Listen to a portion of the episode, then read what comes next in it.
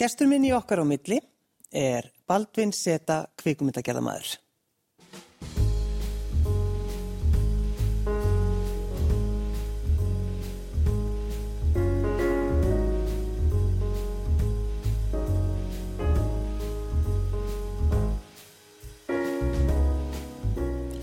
Takk fyrir að sitja hjá mér.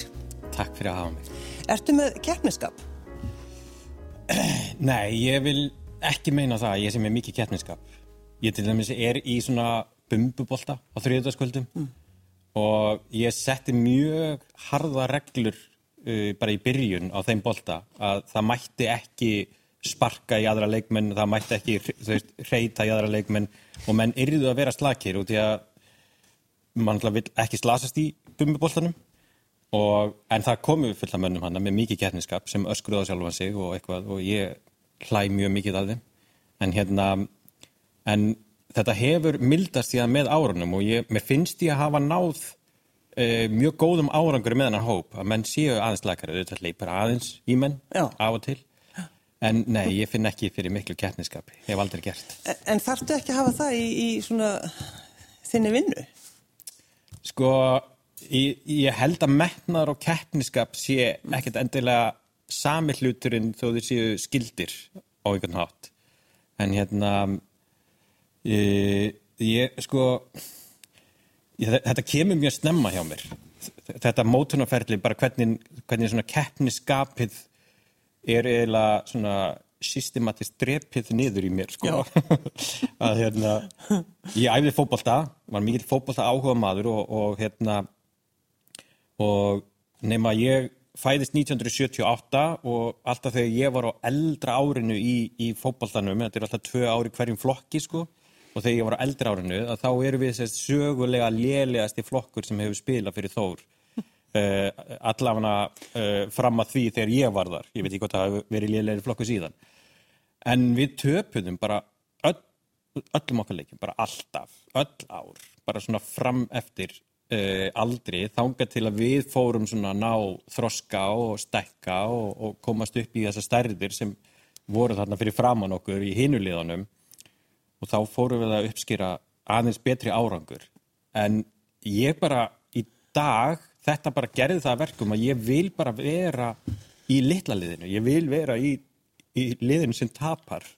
En veitu það er svo skrítið Ég veit það, en það hjálpar mér líka sko, þegar e, sko, þegar maður einhvern veginn, þegar maður langar að fara í gegnum hlutina á sínum eigin forsendum að þá er svo næs að vera ekki heldtekinn að því að vera alltaf í sko, stóra liðinu eða sigurliðinu sko. og því að þú veist, þegar þú ert að berjast fyrir þínu þá þartu svo lengi að vera að koma þér á framfæri og, og, og, og reyna að uppskera það sem þú sáir sko. það tekur tíma alveg svo fyrir gulldrengina.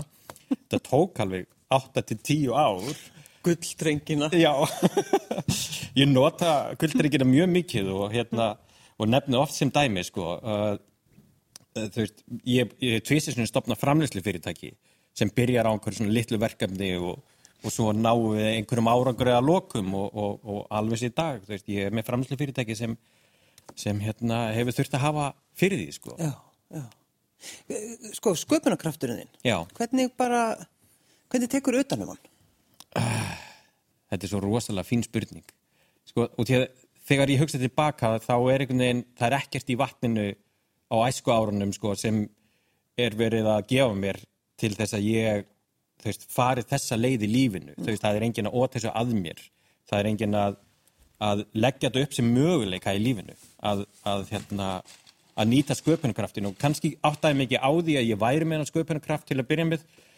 En samt þegar ég spóla meira tilbaka og fer að hugsa um bara leikina sem ég leik þegar ég var mjög lítill, veist, ég egnaðist sjómarspleimu, fjagra, fimm ára gammal sem var svona sjómarspíl og myndavilar og ég var allan daginn í því að búa til senur með þessu pleimói, sko.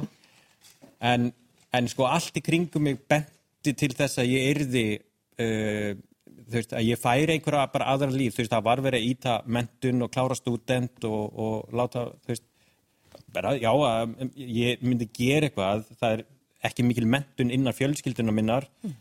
yðnmentun hjá pappa og sjómennskan er svona, kannski, það sem er svona fyrirfyrir mest. en ég held að svona kannski upp úr 6-7 ára aldri að þá svona fæ ég fyrstu snertinguna á uh, sko svona alveg snertinguna þá er sérst bróð minn farin að gera stuttmyndir með Sævari Guðmundsinni sem er uh, leikstjóru í dag og kvimdagerðamaður hér í Reykjavík. Og ég fer svona aðeins að fylgjast með þeim hvað þetta er spennandi, hvað þeir eru að gera og stundum voru þeir að nota mig að henda mér niður að kletta og eitthvað gera eitthvað skemmtilegt við litla strákin um, en svo svona um 10 ára 11 ára aldur uh, sko þá er ég reyndar eh, sko, já, bara kannski svo ég hlaup ekki fram úr mér að, að, að það gerir þarna á ákveðin tímabili ég fer að búa til sögur. Uh, ég fer að skrifa sögur. Og hérna og finn fyrir því að, að, að mér finnst þetta mjög skemmtilegt, fæ ég að lesa upp í skólanum sögunar mínar og það er föndrað úr þeim eh, þessum ævintýrum sem ég ára að búa til og eitthvað það var nefnilega myndmentakennari minn hann spottar þetta hjá mér mjög snemma að ég hef þessa, þessa þennan sköpunarkraft. Og hérna en svo sé ég tvídrang eða Twin Peaks. Eh, ég og mamma mín e, sátum þarna og, og, og horfðum á límd við sjómarspili hverja einustu viku og fór ekki út í fótboltað þau kvöld og vinni minni skildu ekkert í mér hvað ég var að pæla að horfa á þess að vitleysu. En þetta var svona bara að þetta er leiðin. Svona er hægt að segja sögur. Og ég skrifaði mínu fyrstu stuttmynd sem heit Hraundrangar sem var beinskýrskotin í tvídrang og gerði stuttmyndum með dvergum og risum og tröllum og lindarmálum og, og hérna þannig að 1989 klára ég mína fyrstu stuttmynd með uh, besta vinnu mínum Baldvinni, við vorum Baldvin og Baldvin. Og hérna og, og síndum, Þegar þú horfir á lífið þitt, já. finnst þið þú vera hefnasti maður í heimi? Sko mér líður þannig. Uh, ég stundum á ég svona moment þar sem ég sitt einn á klósettinu. Ég hugsa mjög mikið þegar ég er á klósettinu og hugsa bara hvernig gekk þetta allt upp? Þetta er frábært. Auðvitað er þetta frábært. Um, en og mér finnst einhvern veginn bara lífslaupið ég bara allt saman mér finnst eins og ég sé ótrúlega heppin og þrátt fyrir að það hafi verið miklar og stóra hremmingar í kringum mig að þá hef ég einhvern veginn kosið að líta á það sem styrkur fyrir mig. Um, mamma veikist þegar ég er tíu ára og það er svolítið á þeim tíma þar sem ég byrja að skrifa þessar sögur út í að ég, ég fer svona að búa til eitthvað svona hliðraveruleika út í að þetta var, auðvitað var þetta ótrúlega erfitt fyrir lítinn strák að sjá mömmu sína veikjast og, og fóreldri sína vera að berjast við þennan sjúkdóm í þrjú ár. Og hérna og mamma til dæmis síndi mér aldrei ja, sko, hún var alltaf ótrúlega sko e, svona hrein og bein sko gagvart mér og sjúkdómnum uh, og leiði mér einhvern veginn aldrei að finna fyrir því hver staðan væri uh, fyrir en bara á hólminn var komið að hérna svona undir lokin. En hérna en allt þetta ferli það hefur styrt mig og, og ég hef tekið þetta til mín sem gjöf uh, ég syrgi mömmu mína en mér finnst ég samt hafa verið heppin að hafa fengið þessa lífsreynslu. Auðvitað myndi ég alltaf vilja skipta þessu. Hvað var hún gömul? Hún er 47 ára þá hún dó. Hún er þre, fjórum árum eldri en ég er í dag. Já. Ég upplifi náttúrulega þá bara mjög aldraða konu Já. að deyja fyrir fram að mig. Hva, hvað var að? Krabba minn. Hún fekk brjóstakrabba minn og, og í raun og veru sko, þá er það sko, það er siðferðismál sem skiptir sköpum hana og til að það var deilt um sko hvort það ætti að taka brjóstið af henni eða ekki og það var ákveð að taka það ekki Já. þannig að þetta var eitthvað svona þetta var ekki sjálfsagt á þessu tíma að bara kippa brjóstinu í einmitt. um, það er mjög erfiðu byttið að kingja sko, ég heyri þetta síðan bara mörgum árum setna, bara já, það er skrítið Baldvin, þegar að mamma þín kallar á þig já, og segir um, við þurfum að taka hvað, samtalið? Hva, hva, hvað sáðum við þig? já, við þurfum að taka samtalið, þetta er sko þetta er náttúrulega eitthvað sem fóruldrar eiga náttúrulega bara að gera fyrir börnin sín, þó við séu ekki deyjandi manneskjur Nei. en, hérna, en ég fekk þarna bara nokkra daga þar sem við sátum og tókum samtali, þar sem hún bara lagði fyrir mér lífsreglunar sagði mér frá öllu sem ég þurft að vita. Og hérna og í þessu samtali þá einhvern veginn svona átta ég mig svo mikið á hver fjölskylda mín var, ég fór að skilja hlutina betur. Og því að sko ég kemur úr fjölskyldum minnstri það sem ég er mjög ungur þegar sko allt breytist, ég man ekki sjálfur eftir því en einhvern veginn verður við sko viðskilja stórfjölskylduna, veist, hún bara sko fjölskylda mömmu, bara, hún bara hverfur frá okkur og öll þessi sko börn sem ég þekkti upp að tvekja þryggjar aldri, þau bara hurfu úr lífinu mínu. Og ég skildi aldrei þessa stemningu og þessi skrítum samtöl sem komu og þessi rifrildi sem þau veist hérna urðu árlega þegar mamma mín átti ammali og annað sko en, en þá er það þannig og ég held að margar fjölskyldur búi yfir þessum, þessum, þessum fjölskylda lindarmálum mm. og, uh, og í okkar tilviki er þetta þetta mistnótkunna mál sem sprengir fjölskylduna og, og sýsti mín sem lendir í því að hún er í raun og veru útskúið frá stórfjölskyldinni og auðvitað stöndum við með okkar, með okkar mannesku en, en þarna upplifi við í raun og veru bara sko 100% uh, vantrú á hennar frásögn og hérna og þetta sko þú veist það er svona áhugavert að velta þessu upp núna í dag út af öllu öllu, öllu umtalinu sem er í gangi að, að veist, þetta er cancel culture og geranda meðvirkni og það er stundum erfitt fyrir fólk sko, að tengja við þetta en þegar maður tengir við þetta bara í sitt nær umhverfi að þá getur séð þetta kannski í svolítið skýru ljósi að þetta er náttúrulega það sem við köllum geranda meðvirkni og cancel culture í dag. Sem er bara, þetta er akkurat núna. Sem er bara akkurat núna. Og, og þarna er hún bara, það veist, mamma mín fekk símtöl frá sískinum sínum þegar sást til sýstiminnar vera brosa út í bæ það er ekkit aðinni veist, hún er bara brosandi hérna niður í bæ svona var ágangurinn sko og mörgum ára setna því ég ákveða að fjalla um þetta í vonastræti og setja þetta í myndina og tala mjög opinskátt um þetta mm. að þá fæ ég símtöl í dag um að ég megi ekki gera þetta út af því að þetta er náttúrulega bara byll og vittlesa og þannig að styrkurinn í þögg orkunni er svo mikill og svo magnað fyrirbæri og hérna ég, bara, ég sjálfur áttað mikið á því og, og þetta hefur verið mér hugleikið bæði í vonastrætti og núna í svörtusöndum sem ég er að koma með næst og þetta er þetta er svo kröftugt fyrirbæri að það er í raun og veru og þegar sko sannleikurinn lág fyrir og því að það var búið að viðukenna á sínum tíma þegar að, þegar að sýstiðin kemur og segir frá misnókun? Nei, það gerist mörgum ári setna Já. Að þá kemur sannleikurinn í ljós.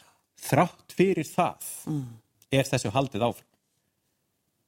Og viðkendi þá aðilinn, aðilinn já. já og þú vilt ekki segja, tala ekki um það hver, hver það var í fjölskyldinni Jú, þetta var afið minn. Við höfum alltaf bara verið mjög opið með það sko. Já. En mannst þú eftir þessum tíma þegar bara fjölskyldan þín svona hverfur? Eða er þetta eitthvað sem að uh, þér hefur verið sagt? Sko, ég á svo mikið af myndum frá sérst, tímanu fyrir. Já. Það eru ljósmyndir þar sem ég er að leika við fylgta krökkum og, og ég var alltaf veltað að finna um hvaða börn eru þetta? Já. Og svo sá ég þau aldrei. Ég kynnist þessi krökkum síðan bara þegar ég er á nullingur. Þá allt í hennu bara fyrir fólk að koma um tímin, herru ég er hérna dóttir þessara, ég er sónu þessara og maður bara kynnist þarna til fjölskyldu. En sko, er þín kynslu þá, mm -hmm. eru þið að, að vera, eru þið saman, eru þið að tala saman fjölskyldar, veist? Í dag? Já. Nei, ég, sko, ég raun og veru ekki, uh, veist, við erum ekki svona tengd eins og fransískinni geta verið tengd. Nei. En hérna, en þegar við hittumst, þá spjöldum við saman og það er ekkert, það er engin yllvilji hérna á milli okkar. Um, og þetta er kannski það sem svona veist, þessi umræði dag kannski, er pínu gremmjuleg út af því að, eh, að við verðum að átt okkur á því að, að cancel culture er ekki nýtt fyrir bæri. Er bara, þetta er bara snúast pínu við dæmið. Og hérna en ég held að við ættum öll að staldra við og, og átt okkur á því að þetta er alltaf gamalt fyrir bæri. Hættum að tala um að cancel culture sé bara eitthvað nýtt fyrir bæri. Mm -hmm. það, ég held að það sé bara svona bottom line í þessu. Þetta hefur bara snúist við og núna er það gegn gerandunum en ekki þólendunum Já. Og ég held að allir geti tengt svolítið við þetta. Þessa, þessi gömlu fjölskyldu lindamáls þöggunarmál. Mm. ég held að þetta sé bara eins og alkoholismi á Íslandi. Það, það geta allir, allar fjölskyldu tengt við það.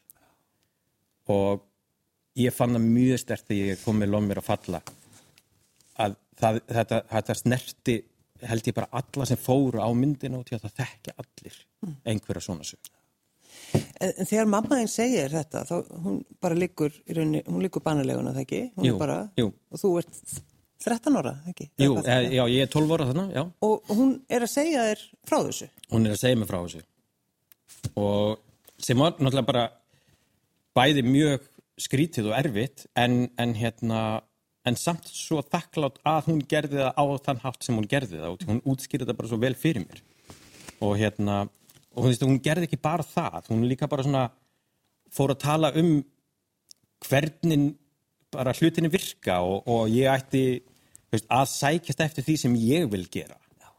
Veist, það, það er svo margt það er, sko, það er svo margt í þessu samtali sem fór inn í bankan og einhvern veginn grófst þar inn og svo mörgum mörgum ára setna þegar ég byrja einhvern veginn að rifja upp þetta samtal að hérna að þá er ég kannski svolítið ómeðvitað búin að vera að lifa svolítið eftir hennar leiðbenningum frá þessum dögum sko. Já, þar sem hún sagði við. Já,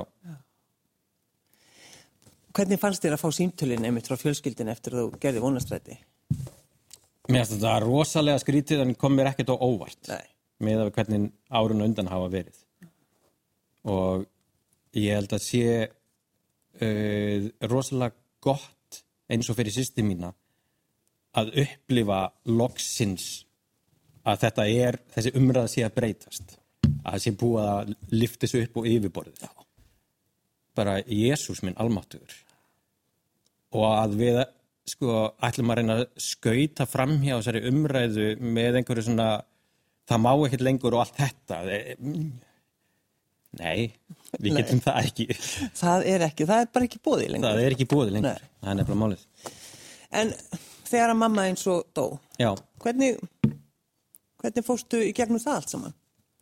um, sko þarna kemur svona kannski tímabil það sem ég missi örlítið til fótana og, og eðlilega og ég, ég þurft fór og leitaði í áfengi mjög snemma sem krakki og hérna og kemur held ég bara svona svolítið þessi típiska uh, svona uh, úlingasaga strák sem veit ekkert í hvað fót hann á að stíga sko um, en engu að síður að þá kannski uh, er það sköpunarkrafturinn sem keiri mig svolítið gegnum þetta og því ég fer bara í raun og veru þar að uh, búa til stuttmyndir uh, kaupa mér græjur sína myndir í skólanum fá alla vini mína til að vera með og ég held að ég skuldi öllum vinnum mínum rosalega mikinn tíma af bara með hvað þau gengu í gegnum með mig hérna áður fyrr.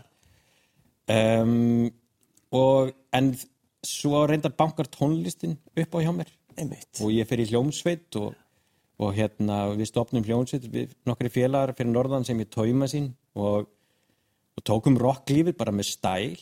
Reyndar lagði allt upp fyrir þeim að, að þetta færi bara tímabil. Ég ætlaði síðan að verða kvikmyndagerða maður en nú skulum við fókusera á þetta og, og þetta endaði alveg bara með fræða för til New York þar sem við vorum hárspreitt frá því að, að meika það. Uh, en við gerðum það svo sannarlega ekki og klúðruðum ferðinni alveg rosalega vel. Ég, Klúðruðum rosalega vel. Já, hún, hún var mjög vel klúðruð og hérna, og það tók okkur alveg einhver 10-12 ára að ræða þetta sko, strákana, eftir þessa ferð sko, hún var algjört fíasko sko, Já. en við vorum bara 18-19 ára gamlir og kolki að gæðir. Ætlar að gera myndu þetta eða? Ég hef stungið upp á því, við strákana, og hef beðað um að skrifa minningarnar hérna á pappir og senda mér, það, það er enginn ennþá búin að senda mér neitt, ég, en það er mjög gaman að ræða þetta og því að þá sér maður líka hvað minningar sko, eru skemmtilegar og því að það eru upplifanir okkar eru gjör ólíkar af þessari ferð sko. Já. En ég held að inn í end þarna er til dæmis á mjög erfitt að klúður þessu og sjá þetta fjara út en auðvelt fyrir mann sem var ekki mjög tapsár að halda áfram samt og, stökkva þá bara aftur í kveimyndagerðina. Já, já, ekkert. Já. Hefur aldrei geta grátið? Nei, sko, jú, ég gati einu sinni grátið um, og þetta er mjög skrítið fyrirbæri uh, og ég, ég hef alltaf verið að reyna að tíma sér þetta hvað þetta gerðist hjá mér, sko. Hva, hvenar hætti ég að geta grátið? Ég grét ekki á jarðaförinn hann mömmu en ég held líka að skilningurum minn á dauðanum þá hafi ekki verið fullkomlega uh, ég hef ekki náð heildarmyndinni af þessu ég var ekki búin að ná þessu endanlega ég held að tilfinning hafa alltaf verið ég mun sjá hana síðar nokkurum ára setna að þá hérna lendi því að eh, ég verð vittni af flugslýsi og uh, ég fer þar með starffélag og, og tengda pappa bróðu míns uh, út á Melgerismilla og ætla að prófa sviflug þannig dag. Mm. vélinn var ekki niðri og, og hann fer einn á loft en brotlendir vélinni fyrir fram að mig. Þetta gerist og sko þegar ég, ég var svona aðeins að rifja þetta upp um daginn sko og þá fyrir ég átta mig á sko öllum áhrifunum sem þessi dagur hafiði á mig. Þetta er venjulegasti dagur sem ég hef upplifað á æfinni og því að ég man mjög vel eftir honum alveg frá móti til kvölds út af því að þessi atbyrju gerist. En þetta er allt svo venjulegt. Flugvelir rapar. Það er hræðilegt. Það sem ég sé er hræðilegt. Það sem ég upplifi með fjölskyldun er hræðilegt. En allt verður þetta svo venjulegt. Þetta er ekki eins og í bíómynd. mm. Og ég held að þetta hafi og sko frá þessum tímapunkti hef ég aldrei grátið. Ég reyndar grét á jarðafur ég fyrir fjórum áru síðan. Í fyrsta skipti síðan þá. Já. og þetta mannstu bara? Já, er síl ólandi já, ég græti við þessu og svo enda sinn Forrest Gump. En Já. það er svona gleðigrátur þegar hann áttar sig að sonu sinn er í lægi en sko, hann, það bara deyr maður fyrir fram að þig. Það er bara þannig. Og ég held að þetta sé líka eitthvað sem fer inn í bara alla mína sköpun og annað að þegar ég er að sína erfiða hluti þá síni ég þá eins og það eru. Út í að þeir eru bara venjulegir. Að sína hræðilega hluti er bara partur af lífinu. Og ég er oft spurður akkur þetta að sína alltaf svona hræðilega hluti? Ég verð að sína eitthvað. Ég, ég kýs að sína þessa hræðilegu hluti en ég sína það líka eins og þeir eru. Ég er ekki að, að sikurhúða þá með einhverju, einhverju Hollywood stæl sko. þetta er bara, ég verð að koma svo frá mér þannig að þú áttir þig á því að svona er þetta og ég held að þetta sé svolítið en breyttist lífið þarna bara eftir, þegar þú upplifið þennan dauða Sko 100% út í að þarna, þarna held ég að fengið það bara með svolítið svona, svona hörðum skelli að þetta er það sem er endalegt sko. Að þú veist ég lappa með honum að flugvölinni og spyr hann út í fallífan hvernig ætlar að nota þetta ef flugvölin mitt er hrapp. Ég þarf ekki að nota þetta og við hlægjum. Mínútu setna er að fara og þetta er alveg e, svona erfið lífsreynsla og ég, veist að það gerðist líka eitthvað svona líkamlegt við þetta. Ég man að ég kastaði upp í sko einhverja tvo daga eftir þetta. Ég var alltaf bara stóði upp og hljópa klósett og ældi og, og þú veist, þetta eru fallega lýsingar. En hérna, en, og svo þetta, það bara skrúast fyrir mig. Og það er í raun og veru ekki fyrir bara, ég kynnist konu minni sem bara hlutirinn fara einhvern veginn að lagast aftur sko. Mm veist, ég, hún fær bara þennan pakka og ég bara introdusa þennan pakka fyrir henni bara, ég er þessi maður og þessi einstaklingur og hún sá einstaklingur sem ég er og við höfum bara einhvern veginn náða að hérna, fara í gennum þessi 20 ár saman. Og hún hefur bara bara breytt mér sem manneski sko. Já. hún leitiði frá Akureyri. Þú betur. þú ætlaðir bara að vera þar. Gera kvikmyndir þar. Já, jú, Akureyri er nafli alheimsins. Ég veit það, frábær staður. Já, hann er það. Uh, það, er, það er náttúrulega dásamlegt að alast þar upp. Og já, ég var harða ákveðin að vera þar áfram og sá ekki fyrir mér að fara þann en hún var mjög ákveðin í því að fara þann og hérna, og sannfærið mig ég hafði alveg hugmyndur um að gera það og, og hérna, að fara einhver tíma þann en, en þær voru aldrei alvöru Nei. ekki fyrir en að hún kom og þetta var líka svona þegar ég var með hljónstina ég, ég ætla ekki að fara hérna, við getum bara gert út frá Akureyri sko.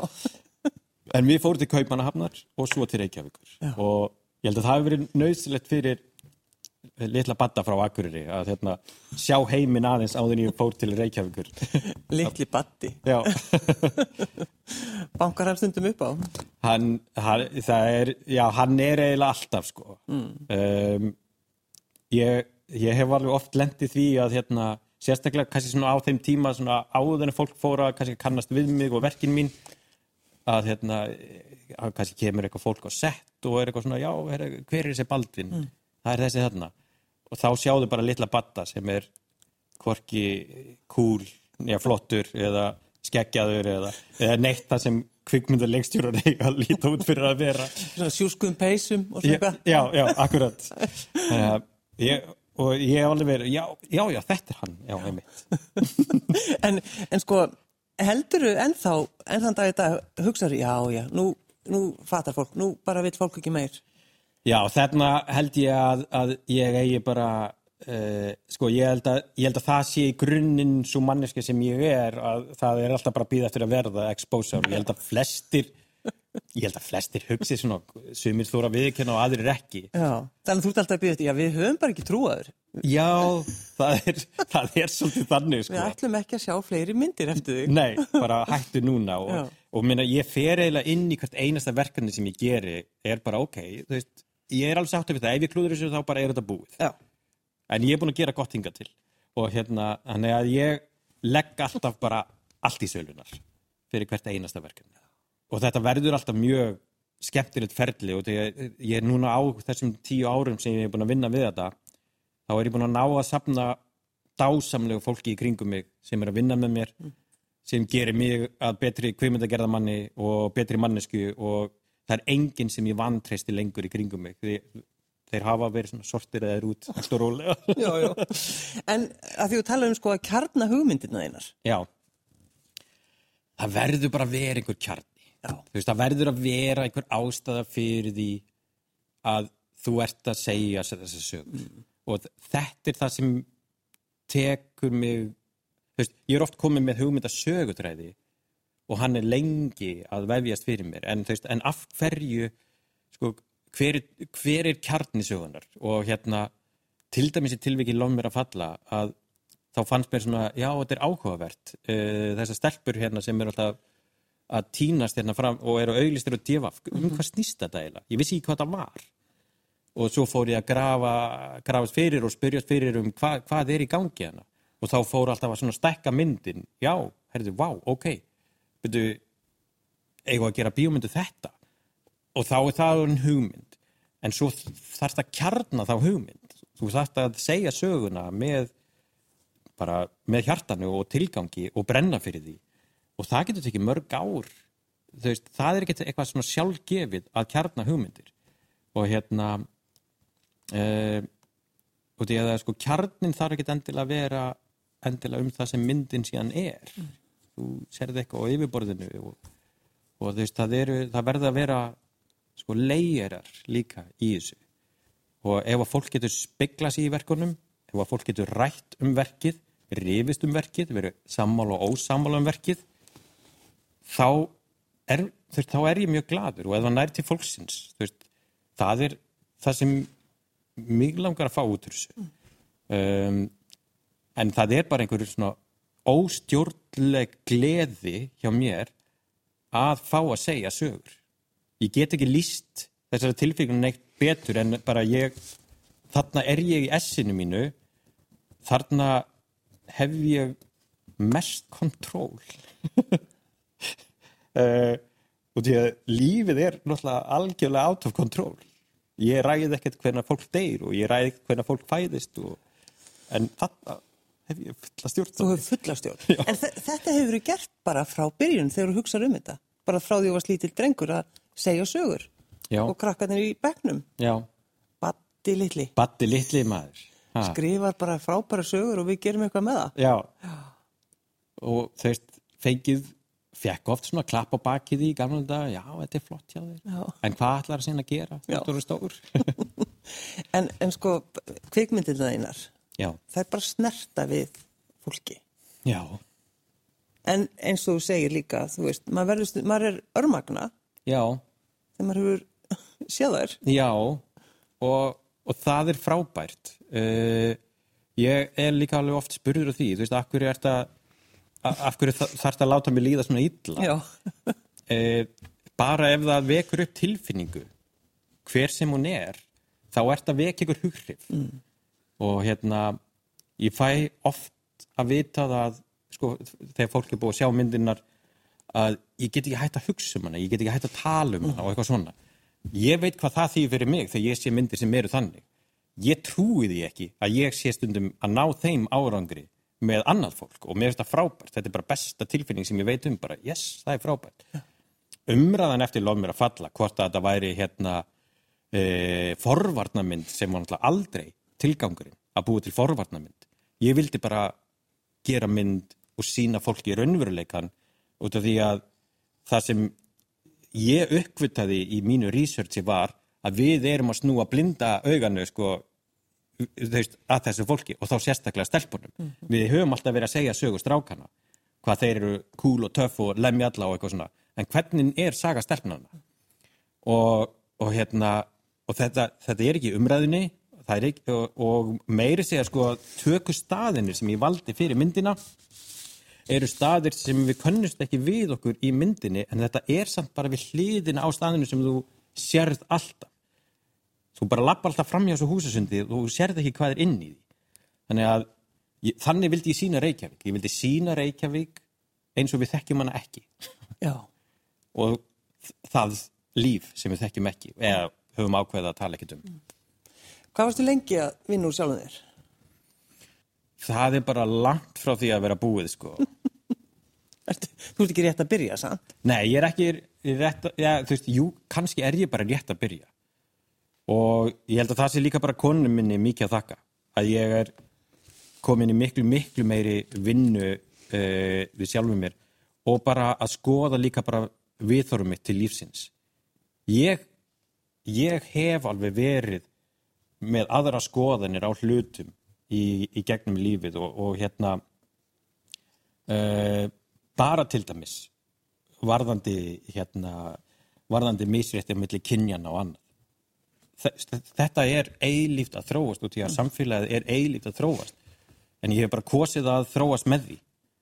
Og hérna og ég hef tekið mín samtöl við konuna mína þar sem ég byrja á því að vera ósámálanni en svo sé ég náttúrulega að hún hefur algjörlega rétt fyrir sér.